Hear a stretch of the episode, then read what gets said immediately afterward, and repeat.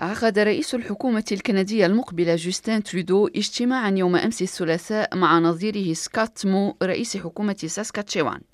وبحث المسؤولان في عدد من القضايا ولا سيما ضريبة الكربون وأنابيب النفط والتحويلات المالية من أوتاوا للمقاطعات التي تشكل كلها أولويات بالنسبة لهذه المقاطعة الواقعة في وسط الغرب الكندي علما أن الليبراليين لم يفوزوا بأي مقعد نيابي في مقاطعتي ألبرتا وساسكاتشوان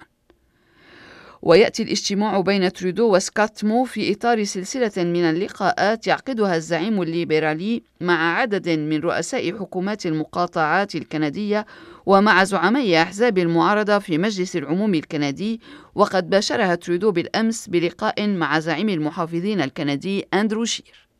وأكد رئيس الحكومة الكندية رغبته في التعاون مع حكومة ساسكاتشوان وكرر تصميم حكومته على استكمال مشروع توسعة أنبوب ترانس ماونتن لنقل النفط المستخرج من الرمال الزفتية في ألبرتا نحو مصاف بيرنبي في مقاطعة بريتش كولومبيا.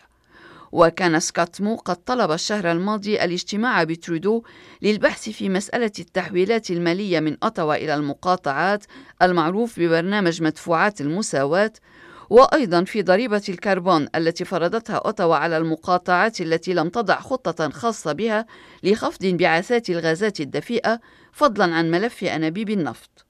وأعرب سكوت مو في حديث لسي بي سي هيئة الإذاعة الكندية عن خيبة أمله في أعقاب اللقاء لأنه لم يسمع أي التزام من قبل رئيس الحكومة الكندية بشأن القضايا الرئيسية التي تهم المقاطعة.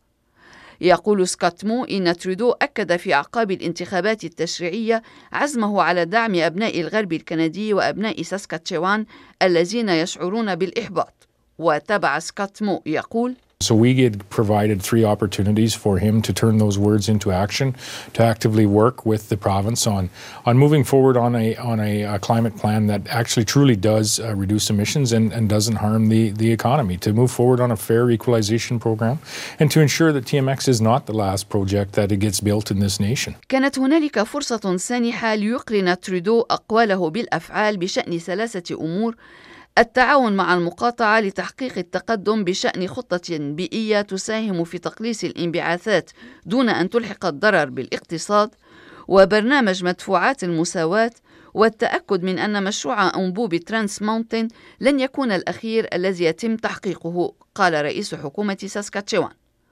وطلب سكوت مو من رئيس الحكومة الكندية جوستين ترودو تعليق ضريبة الكربون لمدة سنة ليتسنى للمقاطعة أن تضع سياستها الخاصة بخفض الانبعاثات الملوثة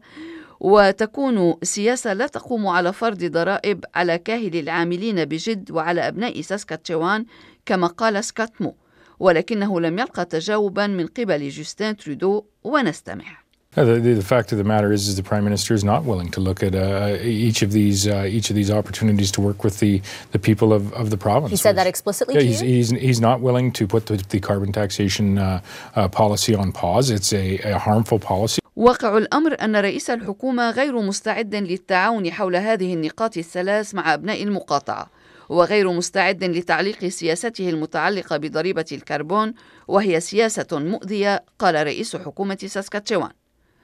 وكانت المقاطعة قد احتكمت إلى القضاء في خلافها مع أوتاوا بشأن ضريبة الكربون التي تقول ساسكاتشوان إنها مخالفة للدستور. ومن المتوقع أن تنظر محكمة كندا العليا في القضية في كانون الثاني يناير المقبل.